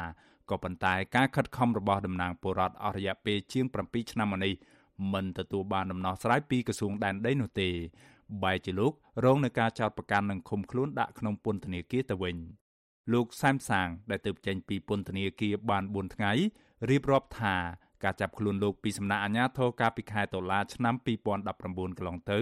ហើយត្រូវតុលាការកាត់ទោសលោកឲ្យជាប់ពន្ធនាគាររយៈពេល2ឆ្នាំនោះគឺជារឿងរ៉ាវអយុត្តិធម៌និងឈឺចាប់ជាទីបំផុតចំពោះរូបលោក ដែលគ្រាន់តែចេញតវ៉ាទាមទាររកដំណោះស្រាយដីធ្លីដោយសន្តិវិធី ពីអាជ្ញាធរនិងក្រសួងដែនដី លោកបន្តថានៅក្នុងពន្ធនាគារឆ្ងាយពីគ្រួសារអស់រយៈពេល2ឆ្នាំមកនេះធ្វើឲ្យកូនស្រីពៅរបស់លោកអាយុ1ខួប9ខែមិនហ៊ានជួបមុខឪពុកនៅពេលលោកវិលត្រឡប់មកជួបជុំក្រុមគ្រួសារវិញដោយសារតែកាលនោះភរិយារបស់លោកបានពោពោះនាងបាន3ខែប៉ុណ្ណោះលោកឲ្យដឹងទៀតថាការផ្ដន់ទាទោសដោយតុលាការមិនបានចុះស្រាវជ្រាវឲ្យបានច្បាស់លាស់អំពីវិវាទដីធ្លីជាមុននោះ បង្កទុកលំបាកជាច្រើនដល់ភរិយារបស់លោក ដែលត្រូវដើរស៊ីឈ្នួលទាំងនាងមានផ្ទៃពោះនិងខ្ចីប្រាក់ពីធនាគារនិងអ្នកភូមិផ្សេងសរុបជាង20000ដុល្លារដើម្បីយកមកដោះស្រាយជីវភាពរស់នៅនិងផ្គត់ផ្គង់លោកនៅក្នុងពេលជាប់ឃុំលោកសែមសាង ដែលមានកូន3នាក់នៅក្នុងបន្ទុកគ្រួសារបញ្ជាក់ថានៅក្នុងអំឡុងពេលនេះលោកត្រូវខិតខំធ្វើការរកប្រាក់សងបំណុលធនាគារជាមុនសិន ហើយនឹងបន្តស្វែងរកការដោះស្រាយនៅក្នុងរឿងរ៉ាវវិវាទដីធ្លីជាថ្មីទៀតតំណាងសហគមន៍ស្រែប្រាំងរូបនេះស្នើសុំរដ្ឋាភិបាលចុះពិនិត្យនិងដោះស្រាយបញ្ចប់បញ្ហាដីធ្លីជូនប្រជាពលរដ្ឋនៅឃុំតាពាំងព្រីង។ គេចាប់ខ្ញុំចូលពន្ធនាគារមិនទាន់បាន3 4ខែផងបែរទៅជាខាងក្រសួងចេញខ្លងឲ្យក្រុមហ៊ុនខ្ញុំសោកស្ដាយមែនទែនពេលនេះបាទហើយខ្ញុំសូមឲ្យសម្ដេចនាយកជួយរកភាពយុត្តិធម៌ជូនប្រជាពលរដ្ឋហើយនិងសូមឲ្យសម្ដេចនាយកបង្កើតគណៈកម្មការចម្រុះហើយនឹងវេកញែករោគដែលអ្នកពាក់ព័ន្ធដូចជាអ្នកណាដែលហ៊ានលក់ដីទៅឲ្យក្រុមហ៊ុននេះមិនមែនបុគ្គលប្រជាពលរដ្ឋអ្នកលក់ទេគឺមានតែអាជ្ញាធរទេគាត់មានសិទ្ធិជាងបាទហើយនឹងសូមឲ្យគុំតាពាំងទីនេះកុំឲ្យមានចាប់ចងឬគំរាមកំហែងចាប់ដាក់គុកឬប្រើអំពើហិង្សាលើពលរដ្ឋជាដើមយ៉ាងទៀតខ្ញុំសូមទទូចសូមឲ្យរកភាពយុត្តិធម៌ជូនប្រជាពលរដ្ឋតែម្ដងកាលពីថ្ងៃទី3ខែមិថុនាឆ្នាំ2020សាលាដំបងខេត្តត្បូងឃ្មុំ បានផ្តន្ទាទោសលោកសែមសាងវ័យ37ឆ្នាំឲ្យជាប់ពន្ធនាគាររយៈពេល7ឆ្នាំពីបទកំហែងយកដោយមានស្ថានទម្ងន់ទោសដោយសារប្រើប្រាស់អាវុធ នៅភូមិស្រែប្រាំងឃុំតាពាំងព្រីងកាលពីថ្ងៃទី18ខែកុម្ភៈឆ្នាំ2016ក៏ប៉ុន្តែទោសនេះត្រូវបានសាលាធរត្បូងឃ្មុំបន្ថយមកនៅត្រឹម2ឆ្នាំវិញក្រោយពីក្រុមមេធាវីការពារលោកសែមសាង បានប្តឹងទាស់ទៅនឹងសារក្រមនោះព្រោះកូនក្តីរបស់ពួកគេមិនបានប្រព្រឹត្តដោយការចោទប្រកាន់នោះទេ ប្រធានសមាគមសម្ព័ន្ធសហគមន៍កសិករកម្ពុជា លោកថេងសវឿនមានប្រសាសន៍ថាការកាត់ទោសលោកសែមសាង ដាក់ពន្ធនាគារកន្លងមកនេះគឺជារឿងមិនត្រឹមត្រូវនោះទេព្រោះលោកថាតំណាងពលរដ្ឋរូបនេះជាមនុស្សស្លូតបូតមិនបានប្រព្រឹត្តកំហុសដោយការចោទប្រកាន់របស់តុលាការដែលផ្អែកតាមរបាយការណ៍របស់សមាជិកនោះទេលោកស្នើសុំឲ្យតុលាការគ្រប់ជាន់ថ្នាក់និងក្រសួងយុតិធធពិនិត្យមើលសំណុំរឿងតំណាងសហគមន៍3នាក់ផ្សេងទៀត រួមមានលោកហ៊ឿនស៊ីនៀតលោកសែមចំណាន និងលោកផុនសុផលឡើងវិញហើយដោះលែងពួកគេឲ្យមានសេរីភាពដោយលោកសែមសាងដែរខ្ញុំគិតថាវាគឺជារឿងមួយដែលរដ្ឋត្រូវតែក៏ដូចជាតឡាការត្រូវតែផ្ដល់នៅសេចក្តីសំណក់បណ្ដៃទៅលើក្រុមគ្រួសារគាត់ដែលពួកគាត់សឹងតែជាជនក្រីក្រគ្មានអំណាចឬក៏ជាជនដែលមិនបានប្រព្រឹត្តកំហុសដោយតែអ្វីដែលមានការចោទប្រកាន់នោះទេបាទ ពលរដ្ឋម្នាក់រស់នៅភូមិស្រែប្រាំងលោកមុនស៊ីធឲ្យដឹងថាចាប់តាំងពីមានការឃុំខ្លួនលោកសែមសាង និងពលរដ្ឋ3នាក់ផ្សេងទៀតដាក់នៅក្នុងពន្ធនាគារមកអ្នកភូមិភៀកច្រើនចេញទៅធ្វើការសំណង់នៅទីក្រុងភ្នំពេញនិងតាមខេត្តនានាដើម្បីរកប្រាក់សងបំណុលធនាគារដោយបន្សល់ទុកឪពុកម្ដាយចាស់និងក្មេងៗនៅចាំផ្ទះលោកបញ្ជាក់ថាក្នុងរយៈពេល2ឆ្នាំចុងក្រោយនេះ ក្រុមហ៊ុនចិនឈ្មោះ Harmony One Investment បានចូលកាន់កាប់ដីចំការនិងព្រៃសហគមន៍របស់អ្នកភូមិទាំងស្រុងដោយគ្មានការរារាំងពីអាជ្ញាធរនោះឡើយ។បាទបើតាមខ្ញុំមើលរងថ្ងៃហ្នឹងគឺថាបញ្ឈប់អស់ហើយមានអីទៀតគ្រូបើឥឡូវខាងក្រុមហ៊ុនគេចូលកាន់កាត់កាន់កាប់អស់ហើយអញ្ចឹងប្រជាប្រដ្ឋយើងមានតែចំណាក់ស្រុកដើរធ្វើការតំណងធ្វើការងារអីផ្សេងផ្សេងដែលយើងអាចធ្វើទៅបាននៅតាមខេត្តនៅតាមក្រុងអញ្ចឹងទៅឥឡូវហ្នឹង វិវាទដីធ្លីជាមួយក្រុមហ៊ុនចិនឈ្មោះ Harmony One Investment ជាមួយបុរដ្ឋនៅឃុំតាពាំងព្រីងកើតមានឡើងខ្លាំងនៅឆ្នាំ2014និង2015ក្រោយពេលដីនៅតំបន់នោះជិត1000ហិកតាត្រូវបានអាជ្ញាធរមូលដ្ឋានដើរប្រមូលស្នាមមេដៃពីប្រជាពលរដ្ឋហើយប្រគល់ប្រាក់ឲ្យពួកគាត់នៅក្នុងមួយគ្រួសារទទួលបានពី40ម៉ឺនរៀលទៅជាង1លានរៀល ជាថ្នូវនឹងបានលក់ដីឲ្យក្រុមហ៊ុន កាលពីឆ្នាំ2009ស្របពេលដែលប្រជាសហគមន៍មិនបានដឹងថាដីនោះនៅចំណុចណានៅឡើយក្រៅពីវិបត្តិដីធ្លីជាមួយក្រុមហ៊ុនចិនពលរដ្ឋនៅឃុំតាពាំងព្រីងក៏នៅមានបញ្ហាប្រឈមមួយទៀតដោយសារតែដីព្រៃសហគមន៍របស់អ្នកភូមិប្រមាណ10សហគមន៍ដែលមានទំហំជាង5000ហិកតាត្រូវបានក្រុមអ្នកមានលុយមានអំណាចគ្រប់គ្រងមួយភាគធំនាពេលបច្ចុប្បន្ននេះ ពលរដ្ឋបានប្តឹងករណីនេះតាំងពីថ្នាក់ឃុំរហូតដល់ថ្នាក់ជាតិនិងបានដាក់ពាក្យប្តឹងទៅតុលាការថែមទៀតផងក្នុងគោលបំណងទាមទារដីព្រៃសហគមន៍ទាំងនោះមកដាក់ជាសម្បត្តិរួមវិញនិងដាក់ទោសទណ្ឌដល់ក្រុមជនល្មើសទៀតផងក៏ប៉ុន្តែគិតរហូតមកទល់ពេលនេះដំណើរការស្វែងរកដំណោះស្រាយនៅមិនទាន់ចេញជារូបរាងនៅឡើយទេកាលពីថ្ងៃទី13ខែតុលារដ្ឋមន្ត្រីក្រសួងមហាផ្ទៃលោកសុកខេងបានជំរុញឲ្យរដ្ឋបាលខេត្តនិងអាជ្ញាធរមូលដ្ឋានទាំងអស់ ត្រូវព្យាយាមដោះស្រាយទំនាស់នានាជូនប្រជាពលរដ្ឋឲ្យស្ថិតនៅក្រៅប្រព័ន្ធតុលាការដើម្បីកុំឲ្យប្រជាពលរដ្ឋពិបាករងមេធាវីនិងចំណាយអស់ថវិកាច្រើនលើសពីនេះទៀតលោកសខេងលើកឡើងថាបញ្ហាដីធ្លីនេះប៉ះសិនបើមិនដោះស្រាយជូនប្រជាពលរដ្ឋដោយយុត្តិធម៌និងដំណាភាពនោះទេនោះនឹងធ្វើឲ្យគណៈបកប្រជាជនកម្ពុជាបាត់បង់សន្លឹកឆ្នោតគ្រប់គ្រងនាពេលខាងមុខបើទោះបីជាមានការជំរុញបែបនេះ ពីមន្ត្រីជាន់ខ្ពស់គណៈបកកណ្ដាលអំណាចក៏ដោយក៏ប៉ុន្តែអង្គការសង្គមស៊ីវិលរកឃើញថាការចាប់ខ្លួននិងការឃុំខ្លួនតំណាងសហគមន៍និងសកម្មជនដីធ្លីពីសំណាក់អាជ្ញាធរនៅតែកើតមានឡើងជាបន្តបន្ទាប់នៅក្នុងរឿងរ៉ាវវិវាទដីធ្លីនៅកម្ពុជា នៅក្នុងរយៈពេល2ឆ្នាំចុងក្រោយនេះនៅក្នុងវីដេអូខ្លីមួយរបស់អង្គការ Liga do ដែលបានចេញផ្សាយកាលពីថ្ងៃទី17ខែតុលាអង្គការនេះបានបង្ហាញថាប្រជាពលរដ្ឋជាង5000គ្រួសារ រងផលប៉ះពាល់ពីការរំលោភបំពានយកដីធ្លី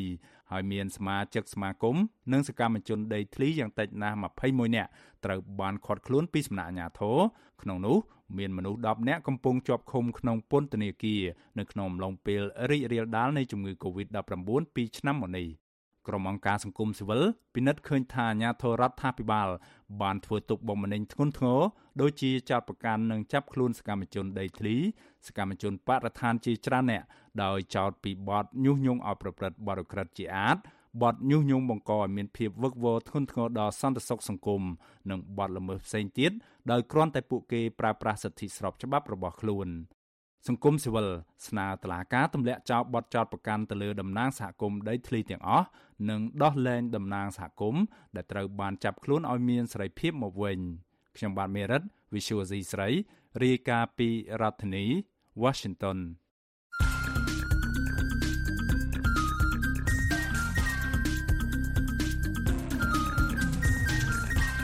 បទសំភារ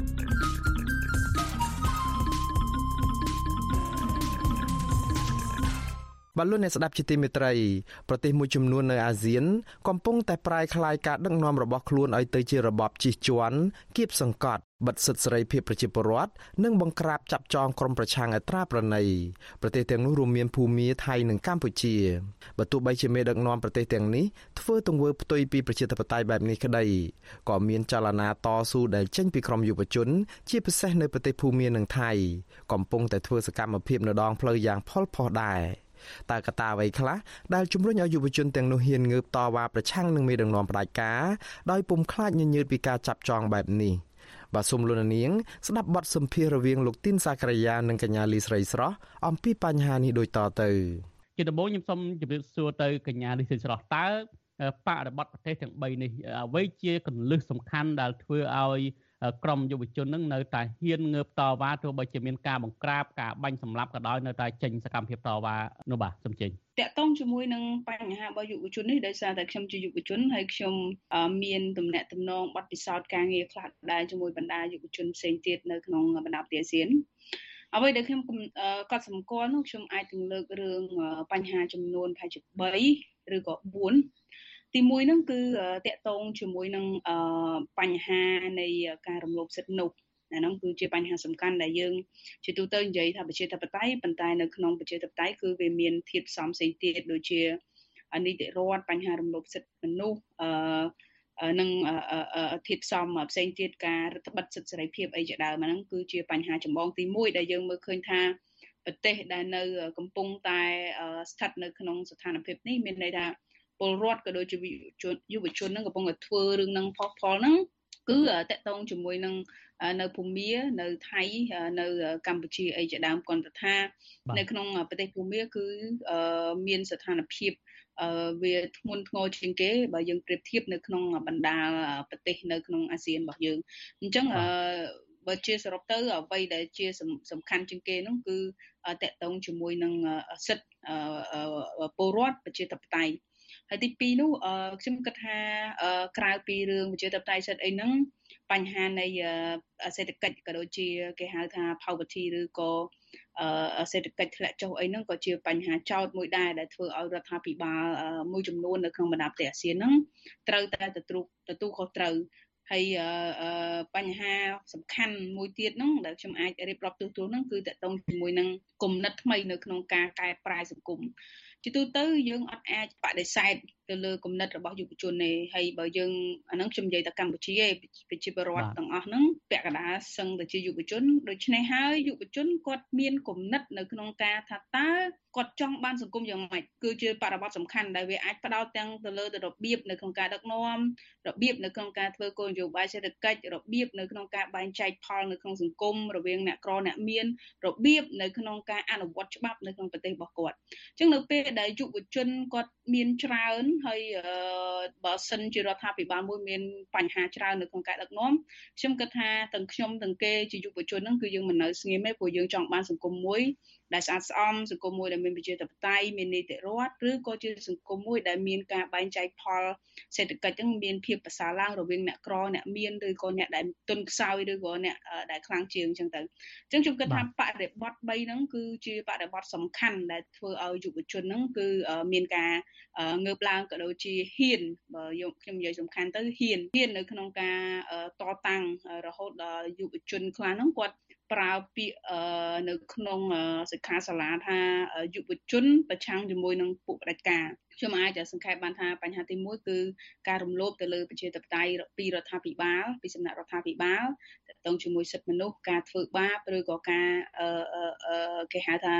រដ្ឋបတ်សិទ្ធិសេរីភាពអីជាដើមហ្នឹងហើយទី2ហ្នឹងគឺតទៅជាមួយនឹងបញ្ហានៃការដឹកនាំដែលវាមិនមានការរីចម្រើនឬក៏ពុកអលួយឬក៏មានអំណាចរំលោភអំណាចជាងទៅហើយបញ្ហាទី3នោះគឺភាពកើតឡើងនៃគំនិតថ្មីរបស់យុវជននៅក្នុង របៀបថាតើគេចង់ឲ្យប្រទេសរបស់គេចង់ឲ្យតំបន់របស់គេនឹងខ្លាយជាយ៉ាងម៉េចនៅក្នុងពេលអនាគតខ្ញុំសូមសង្ខេបប៉ុណ្្នឹងសិនដោយសិនស្រស់លើកឡើងថាដោយសារកត្តាកូវីដជាកត្តាអំណោយផលប៉ុន្តែបើយើងមើលនៅថៃវិញយុវជននៅថៃហ្នឹងបាតកម្មទាំងពេលនៅមានកូវីដពងរាតត្បាតខ្លាំងផងនៅភូមិមាក៏អញ្ចឹងដូចគ្នាដែរទាំងកូវីដផងហើយខាងកងទ័ពឬក៏យោធានឹងបានបាញ់សម្លាប់យុវជនភូមិមាថែមទៀត ប៉ុន្តែ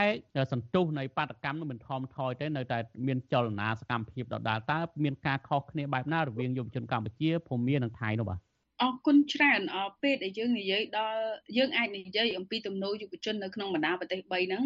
ប៉ុន្តែស្ថានភាពក៏ដូចជាលទ្ធភាពរបស់យុវជនឬក៏បណ្ដាញតំណែងតំណងហ្នឹងគឺនៅមានភាព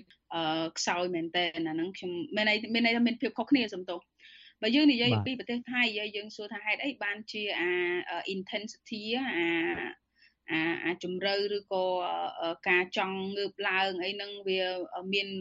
ទម្ងន់ធ្ងន់ដែលធ្វើឲ្យយុវជនមួយចំនួនរហូតដល់លែងគិតកូវីដត្រូវតែចេញបាតកម្មដើម្បីទាមទារដើម្បីផ្លាស់ប្ដូរទៅលើវាសនាប្រទេសជាតិរបស់គេទីមួយនៅក្នុងប្រទេសថៃគេហៅថាគ្រឹះប្រជាធិបតេយ្យគឺមានលក្ខណៈរឹងមាំជាងកម្ពុជា ហើយដូចយើងបានដឹងហើយរហូតដល់រដ្ឋធម្មនុញ្ញបានចែងអំពីទីធ្លាសាលាអីហ្នឹងគឺជាកន្លែងដែលយើងអាចធ្វើនយោបាយបានជជែកពីនយោបាយបានអញ្ចឹងអាហ្នឹងគឺជាលក្ខខណ្ឌសំស្របរបស់ប្រទេសថៃតែគេមានគ្រឹះនៃប្រជាធិបតេយ្យរឹងមាំរួចហើយអាហ្នឹងទី1ទី2ប្រទេសថៃមានស្ថាប័នខ្លះក៏នៅដោយឡែកអំពីនីតិប្រតិបត្តិដែរ ដូចជាស្ថាប័នមួយចំនួនដែលគេគេហៅថាធ្វើកិច្ចការទៅតាមបច្ចេកទេសរបស់គេណាទោះបីយើងឃើញថាបច្ចុប្បន្ននេះមានមានការចាប់ខ្លួនសកម្មជនអីជាដើមមែនប៉ុន្តែនៅក្នុងទស្សនវិជ្ជាមួយចំនួនក៏មានការបែងចែកដាច់ដោយឡែកដែរចំពោះសកម្មភាពនៅក្នុងការបង្ក្រាបអានឹងខ្ញុំអាចលើកឡើងនៅក្នុងចំណុចហ្នឹងអញ្ចឹង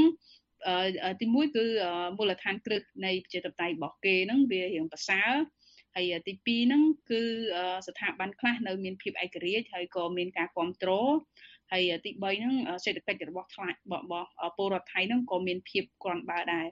ហើយទី4ហ្នឹងគឺពលរដ្ឋថៃហ្នឹងគឺមានបណ្ដាញទំនាក់ទំនងបើខ្ញុំប្រៀបធៀបកម្ពុជាទៅគឺល្អជាងកម្ពុជាហ្នឹងខ្ញុំអាចនិយាយចឹងចុះចុះភូមិវិញបើយើងមើលភូមិហ្នឹងគឺរឹតខ្លាំងមែនតើសំបីមេធាវីរបស់អ្នកស្រីអង្សានសុជីហ្នឹងមិនខាងយោធាហ្នឹងមិនអោយនិយាយជាមួយអ្នកកសែតឬក៏ជួបអង្គការសង្គមស៊ីវិលផងប៉ុន្តែសន្ទុះនៃរបស់ក្រមយុវជននៅតែហ៊ានដូចគ្នាហ្នឹងបាទចំណែកនៅប្រទេសភូមា គេថានៅបើយើងប្រៀបធៀបភូមាដូចទឹកចូលច្រមុះអញ្ចឹងណាការដែលទម្លាក់រដ្ឋាភិបាលមួយវាច្បាស់លាស់ពេកឬក៏វាវាឃើញនឹងឃើញខុសនឹងផ្នែកពេកខ្ញុំគិតថាកំថាភូមិសំបីតែនៅកម្ពុជាក៏អាចនឹងមានគ្រឿងនឹងកើតឡើងដែរអាហ្នឹងគឺជាចំណុចមួយសំខាន់ដែលអ្នកស្រីអង្សានស៊ូជីឈ្នះចង់80%ហើយមានការតម្លែងឲ្យប្រកាសដាក់ប្រទេស ក្នុងគ្រាអាសន្នឬក៏យ៉ាងម៉េចនោះគឺជាស្ថានភាពមួយដែលពលរដ្ឋទាំងអស់គឺមិនអាចទទួលយកបានទេអាហ្នឹងគឺជាចំណុចសំខាន់អញ្ចឹងនយោបាយអ្នកនយោបាយនៅក្នុងប្រទេសភូមាហ្នឹងគឺគាត់ធ្វើនយោបាយអឺបើយើងនិយាយសាមញ្ញគឺក្តៅពេកដែលมันអាចឲ្យសាធារណជនហ្នឹងទទួលយករបៀបដែលគាត់ធ្វើនយោបាយនឹងបានទេដូច្នេះហើយបានគាត់បានពលរដ្ឋទាំងអស់ហ្នឹងគឺនាំគ្នាចេញហើយខ្ញុំចង់បញ្ជាក់ដែរលោកទីនសការីយ៉ាអឺ លទ្ធិប្រជាធិបតេយ្យរបស់ភូមិមាននេះគឺទៅទៅតែកកើតទេប៉ុន្តែយើងយើងសួរថាតើហេតុអីបានជាអឺខុសពីថៃបន្តិចហេតុអីបានជាគេឡើងអញ្ចឹងដូចខ្ញុំបានលើកមិញអញ្ចឹងជាទូទៅអ្នកដែលដឹកនាំផ្ដាច់ការគេមានតាក់ទិចមួយចំនួននៅក្នុងការដឹកនាំដើម្បីកុំឲ្យប្រឈមពលរដ្ឋពេកប៉ុន្តែនេះក៏ជាកំហុសរបស់លោកមីនអងឡាំងដែរដែលគាត់ទម្លាក់ភ្លាមភ្លាមហើយវាធ្វើឲ្យពលរដ្ឋ មានកំហឹងខ្លាំងប្រហែលជាឆ្អែតជាមួយនឹងរបបយោធាយើងយើងមើលឃើញថានេះមិនមែនជាលើកទី1ទេដែលភូមិគាត់ពលរដ្ឋភូមិធ្វើបាតកម្មយុវជនភូមិគាត់ថាបើសិនជាមេដឹកនាំមានអនឡាញនៅតែឈ្នះអញ្ចឹងមានន័យថាយើងនៅតែបន្តបាតកម្មរហូតដល់កូនចៅចំនួនក្រោយទៀតពីព្រោះថាយើងមិនអាចរស់នៅជាមួយនឹងរបបផ្ដាច់ការបានទេ បាទអរគុណច្រើនសម្រាប់ដែលបានចូលរួមការពិភាក្សាទាក់ទងនឹងប្រធានបទមូលហេតុដែលយុវជនអាស៊ានហ៊ានងើបតវ៉ាប្រឆាំងនឹងមេដឹកនាំប្រកាសខ្ញុំបាទសូមអរគុណនិងសូមជម្រាបលាបាទលោកនាងទើបបានស្ដាប់បទសម្ភាសន៍រវាងលោកទីនសាការីយ៉ានិងកញ្ញាលីស្រីស្រស់ដែលជាប្រធានក្រុមអ្នកវិភាគវ័យក្មេងអំពីមូលហេតុដែលយុវជននៅក្នុងប្រទេសអាស៊ានហ៊ានងើបតវ៉ាប្រឆាំងនឹងមេដឹកនាំផ្ដាច់ការ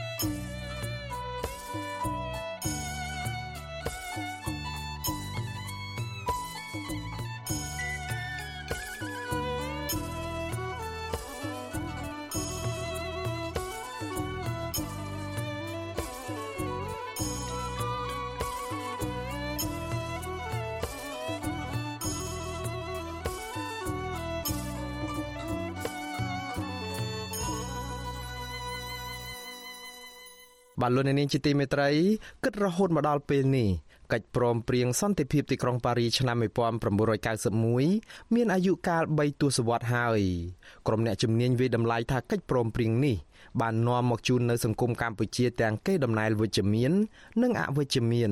ក្រោយប្រទេសនេះបានហែលឆ្លងកាត់នៅសង្គ្រាមស៊ីវិលរ៉ាំរ៉ៃអស់រយៈពេលជាច្រើនឆ្នាំរួចមក ក៏ប៉ុន្តែពួកគេប្រមានថាដំណើរធាក់ថយក្រោយនៃលទ្ធិប្រជាធិបតេយ្យនារយៈពេលចុងក្រោយនេះកំពុងតែរុញច្រានកម្ពុជាឲ្យត្រឡប់មករកចំណុចរបត់ចាប់ផ្ដើមសារជាថ្មីដូចនៅមុនឆ្នាំ1991ដែលកម្ពុជាពេលនោះត្រូវគ្រប់គ្រងដោយរបបឯកបកប្រឈមនឹងហានិភ័យនៃការរំលោភបំពានសិទ្ធិមនុស្សអំពើហិង្សានៅក្នុងសង្គមដោយផ្ទាល់និងប្រយោលឥតឈប់ឈរព្រមទាំងងាយរអិលធ្លាក់ចូលនៅក្នុងចំនួនភូមិសាស្ត្រនយោបាយរបស់ប្រទេសមហាអំណាចឡើងវិញ។ ក្រុមអ្នកជំនាញទាំងនោះផ្ដល់អនុសាសន៍ថាមានតែប្រជាពលរដ្ឋកម្ពុជាខ្លួនឯងទេដែលជាអ្នកកំណត់ជោគវាសនាអនាគតនៃប្រទេសជាតិរបស់ខ្លួនថាតើពួកគាត់ចង់ឃើញកម្ពុជាប្រែក្លាយទៅជាបែបណាបាទសូមលោកនាងស្ដាប់សេចក្តីរាយការណ៍មួយដាច់ដライផ្សេងទៀតរបស់លោកមានរិទ្ធជុំវិញរឿងនេះ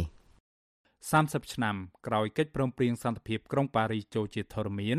ក្រុមអ្នកជំនាញនៅតែមើលឃើញពីសារៈសំខាន់មិនអាចខ្វះបាននឹងភាពជាប់ពាក់ព័ន្ធ ដែលកិច្ចព្រមព្រៀងនេះនៅតែមាននៅក្នុងដំណើរការកសាងសន្តិភាពលទ្ធិប្រជាធិបតេយ្យនិងការផ្សះផ្សាជាតិនៅក្នុងសង្គមកម្ពុជាដដែល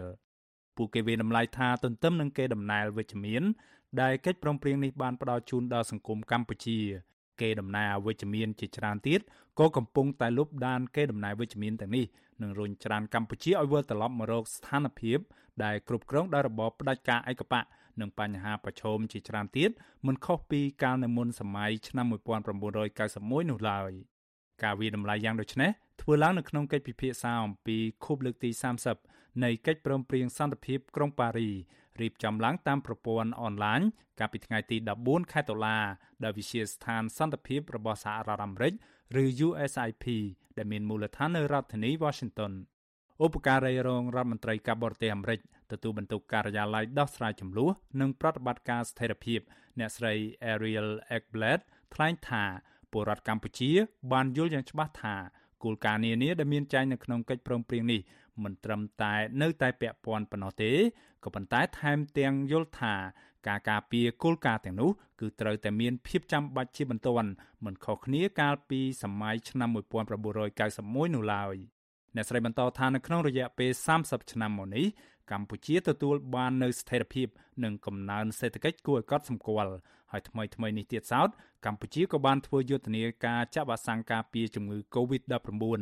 បានប្រកបដោយជោគជ័យក៏ប៉ុន្តែទន្ទឹមនឹងនេះក៏នៅមានបញ្ហាមួយចំនួនទៀតដែលកម្ពុជាបានបរាជ័យ Cambodia's advancement in human development ភាពប្រសើរឡើងរបស់កម្ពុជាជំវិញលទ្ធផលនៃការអភិវឌ្ឍសុខភាពមនុស្សនិងកំណើនសេដ្ឋកិច្ចកើតមានគួរឲ្យចាប់អារម្មណ៍មែនទែន ក៏ប៉ុន្តែទស្សនវិជ្ជាមួយចំនួននៃកិច្ចព្រមព្រៀងនេះនៅតែមិនទាន់បំពេញបានជាជាងធ្វើឲ្យសម្រេចបាននូវលទ្ធិប្រជាធិបតេយ្យដែលជាការប្រកួតប្រជែងប្រកបដោយសេរីពហុបកដោយដែលកិច្ចព្រមព្រៀងនេះបានរំពឹងទុកកាលពី30ឆ្នាំមុនសប្តាហ៍ថ្ងៃនេះកម្ពុជានៅតែជួបប្រទះនៅការរឹតបន្តឹងកាន់តែខ្លាំងឡើងខ្លាំងឡើងនិងការធាក់ថយក្រោយនៃលទ្ធិប្រជាធិបតេយ្យគណៈបកប្រឆាំងធំជាងគេនៅក្នុងប្រទេសនេះ ត្រូវបានរំលាយចោលហើយក្រុមមេដឹកនាំរបស់គណៈបកនេះកំពុងប្រឈមនឹងដំណើរការក្តីក្តាំនិងការកាត់ទោសដែលមានលក្ខណៈនយោបាយក្រុមអ្នកកសែតសង្គមស៊ីវិលនិងពលរដ្ឋដែលរិះគន់គណៈបកកាន់អំណាចទទួលរងនឹងការចោទប្រកាន់ពីបទញុះញង់និងត្រូវចាប់ដាក់គុកឧបការីរងរដ្ឋមន្ត្រីការបរទេសអាមេរិករូបនេះគូបញ្ជាក់ថាសហរដ្ឋអាមេរិកនឹងនៅតែបន្តជំរុញឲ្យរដ្ឋាភិបាលកម្ពុជា គោរពសិទ្ធិសេរីភាពជាមូលដ្ឋាន និងលទ្ធិប្រជាធិបតេយ្យសេរីពហុបកអ្នកស្រីសង្កត់ធ្ងន់ថាសេរីភាពនៃការបញ្ចេញមតិការជួបប្រជុំនិងការជ្រើសរើសមេដឹកនាំតាមបែបប្រជាធិបតេយ្យពិតជាមានសារៈសំខាន់សម្រាប់សន្តិភាព និងវិបុលភាពយូរអង្វែងនៅកម្ពុជាអ្នកស្រីប្រមានថាការធ្វើដំណើរចាកចេញពីគោលការណ៍ទាំងនោះគឺជាការធ្វើដំណើរចាកចេញពីចក្ខុវិស័យចម្បងរបស់កិច្ចព្រមព្រៀងសន្តិភាពក្រុងប៉ារី និងរដ្ឋធម្មនុញ្ញកម្ពុជា អ្នកស្រីថាអំណាចនយោបាយពិតប្រាកដត្រូវតែស្ថិតនៅលើពលរដ្ឋកម្ពុជាខ្លួនឯងដូច្នេះហើយអ្នកស្រីថាកិច្ចព្រមព្រៀងសន្តិភាពក្រុងប៉ារីនិងគោលការណ៍នានាដែលមានចែងនៅក្នុងកិច្ចព្រមព្រៀងនោះនឹងនៅតែមានសារៈសំខាន់នាពេលបច្ចុប្បន្ននេះមិនខុសពីកាលពី30ឆ្នាំមុននោះឡើយឆ្លើយតបទៅនឹងការកត់សម្គាល់នេះឯកអគ្គរដ្ឋទូតកម្ពុជាប្រចាំសហរដ្ឋអាមេរិក លោកជុំសន្តិរីដែលបានចូលរួមនៅក្នុងកិច្ចពិភាក្សានេះដែរអះអាងថាលោកនាយករដ្ឋមន្ត្រីហ៊ុនសែនបានបង្កើតគំនិតព្រួយផ្ដើមនយោបាយឈ្នះឈ្នះដើម្បីធានាសន្តិភាពនិងការបង្រួបបង្រួមជាតិលោកថាការអនុវត្តនយោបាយឈ្នះឈ្នះបានបញ្ចប់សង្គ្រាមអូសបន្លាយនៅកម្ពុជានិងនាំមកនូវសន្តិភាពពេញលេញឯកភាពជាតិនិងទឹកដីនៅចុងឆ្នាំ1998លោកជុំសន្តិរីអះអាងថាលំហបរិយាកាសនយោបាយសេរី នៅតែមាននៅកម្ពុជាសម្រាប់ប្រជាពលរដ្ឋទាំងឡាយណាដែលលោកថាជាអ្នកគ្រប់ច្បាប់លោកចោទក្រុមអ្នកនយោបាយបពប្រឆាំងថា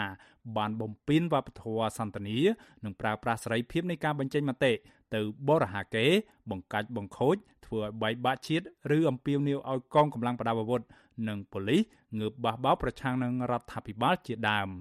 តំណាងកម្ពុជារូបនេះគូបញ្ជាក់ថា កម្ពុជាកំពុងស្ថិតនៅលើផ្លូវត្រូវចាប់តាំងពីការបញ្ចប់ទៅនៃបេសកកម្មរបស់អង្គការសហប្រជាជាតិយ៉ាងណាក៏ដោយការអះអាងនេះមិនត្រូវបានក្រុមអ្នកជំនាញដទៃទៀតយល់ស្របតាមទាំងស្រុងនោះឡើយសាស្ត្រាចារ្យផ្នែកការសិក្សាអំពីកិច្ចការសន្តិភាពនិងសន្តិសុខសកលនៃសាកលវិទ្យាល័យ Ryerson University នៃប្រទេសកាណាដាបណ្ឌិតពៅសរពងក៏សម្គាល់ថាបើទោះបីជាកិច្ចព្រមព្រៀងសន្តិភាពក្រុងប៉ារី បាននាំមកជូនកម្ពុជា នៅដំណើរវិវត្តបែបអន្តរកាលសំខាន់សំខាន់ចំនួន3គឺពីសង្គ្រាមមកសន្តិភាព ពីរបបផ្ដាច់ការមកលទ្ធិប្រជាធិបតេយ្យនិងពីភាពក្រីក្រមកវិបុលភាពក៏ដោយក៏កម្ពុជា នៅតែមិនអាចចាត់ទុកថាជាប្រទេសប្រជាធិបតេយ្យសេរីភូប៉ាបាននៅឡើយទេ លោកថានយោបាយនៅកម្ពុជា នៅតែគ្របដណ្ដប់ដោយនយោបាយចាញ់ឈ្នះដើម្បីយករស់តែរៀងរៀងខ្លួនខណៈអ្នកនយោបាយខ្មែរនៅតែមិនទុកចិត្តគ្នានៅក្នុងការស្វែងរកដំណោះស្រាយរួមរបស់ជាតិនៅឡើយទេក្នុងនាមជាអ្នកសិក្សាស្រាវជ្រាវខ្ញុំដឹងថាវាមានន័យយ៉ាងម៉េចនៅពេលដែលយើងនិយាយអំពីលទ្ធិប្រជាធិបតេយ្យសេរីពហុបក យើងឃើញនៅមានដំណើរការប្រែប្រួលអន្តរកាលធាក់ថយក្រោយ មករកលទ្ធិប្រជាធិបតេយ្យបែបឯកបកដោយមានការបោះឆ្នោតដែលគ្មានវត្តមានគណៈបកប្រឆាំងគួរឲ្យជឿទុកចិត្តបាន កាលពីការបោះឆ្នោតលើកមុនមានការវិវត្តផ្នែកសិទ្ធិមនុស្សនៅក្នុងវិស័យមួយចំនួនក៏ប៉ុន្តែជារួមសិទ្ធិទាំងនោះមិនត្រូវបានគេការពារឲ្យបានពេញលេញនោះទេ ជាពិសេសពាក់ព័ន្ធនឹងសិទ្ធិនយោបាយ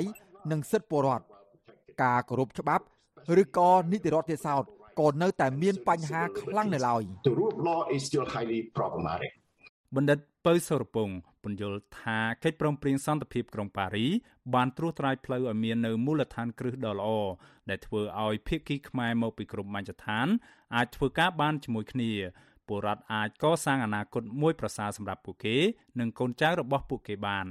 ក៏ប៉ុន្តែលោកថាមិនមែនជាការងាយស្រួលឡើយនៅក្នុងការសម្រេចបាននូវវត្ថុបំណងនៃកិច្ចព្រមព្រៀងនេះដោយសារតែនយោបាយនៅកម្ពុជា កំពុងតែត្រូវធ្វើឲ្យស្មុគស្មាញដោយនយោបាយរបស់មហាអំណាចនៅក្នុងសកលលោក និងនៅក្នុងតំបន់លោកថាកម្ពុជានឹងមានអនាគតល្អប្រសើរបើអំណាចអាចត្រូវបានចែករំលែកសម្រាប់គ្រប់ភាគីពាក់ព័ន្ធ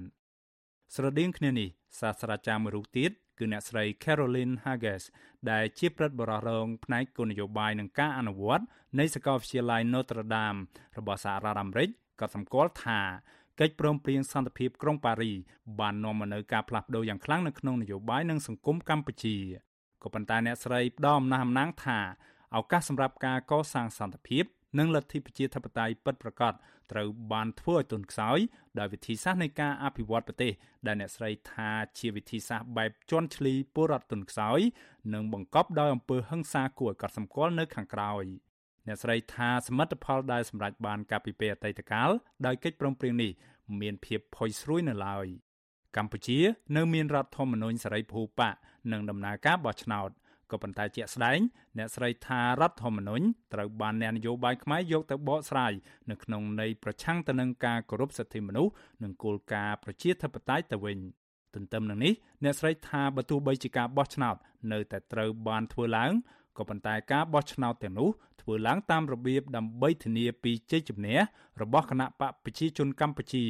យកមកធ្វើជាឧបករណ៍ផ្ដល់ភាពស្របច្បាប់ ជាជាងធានាឲ្យមានការទទួលខុសត្រូវនិងការបែងចែកអំណាចពិតប្រាកដដែលឡែកនាយិកានៃមជ្ឈមណ្ឌលសិទ្ធិមនុស្សកម្ពុជា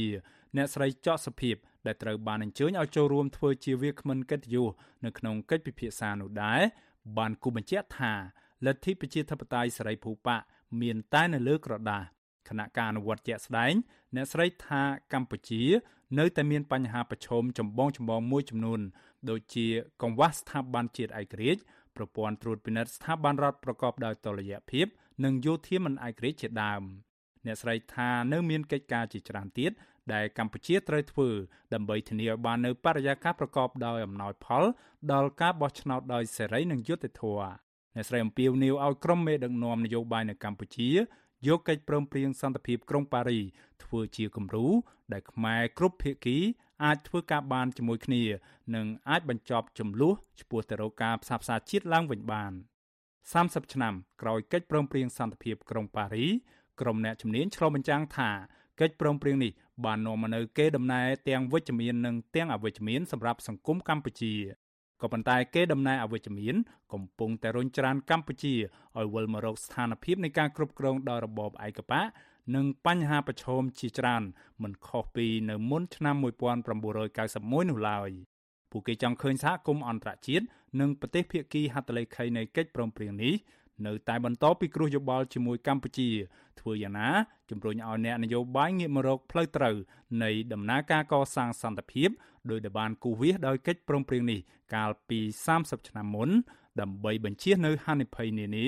ព្រមទាំងភាពងាយរអិលធ្លាក់ចូលទៅក្នុងចំនួនភូមិសាស្ត្រនយោបាយរបស់មហាអំណាចឡើងវិញខ្ញុំបាទមេរិត Visual C ស្រីរាយការណ៍ពីរដ្ឋធានី Washington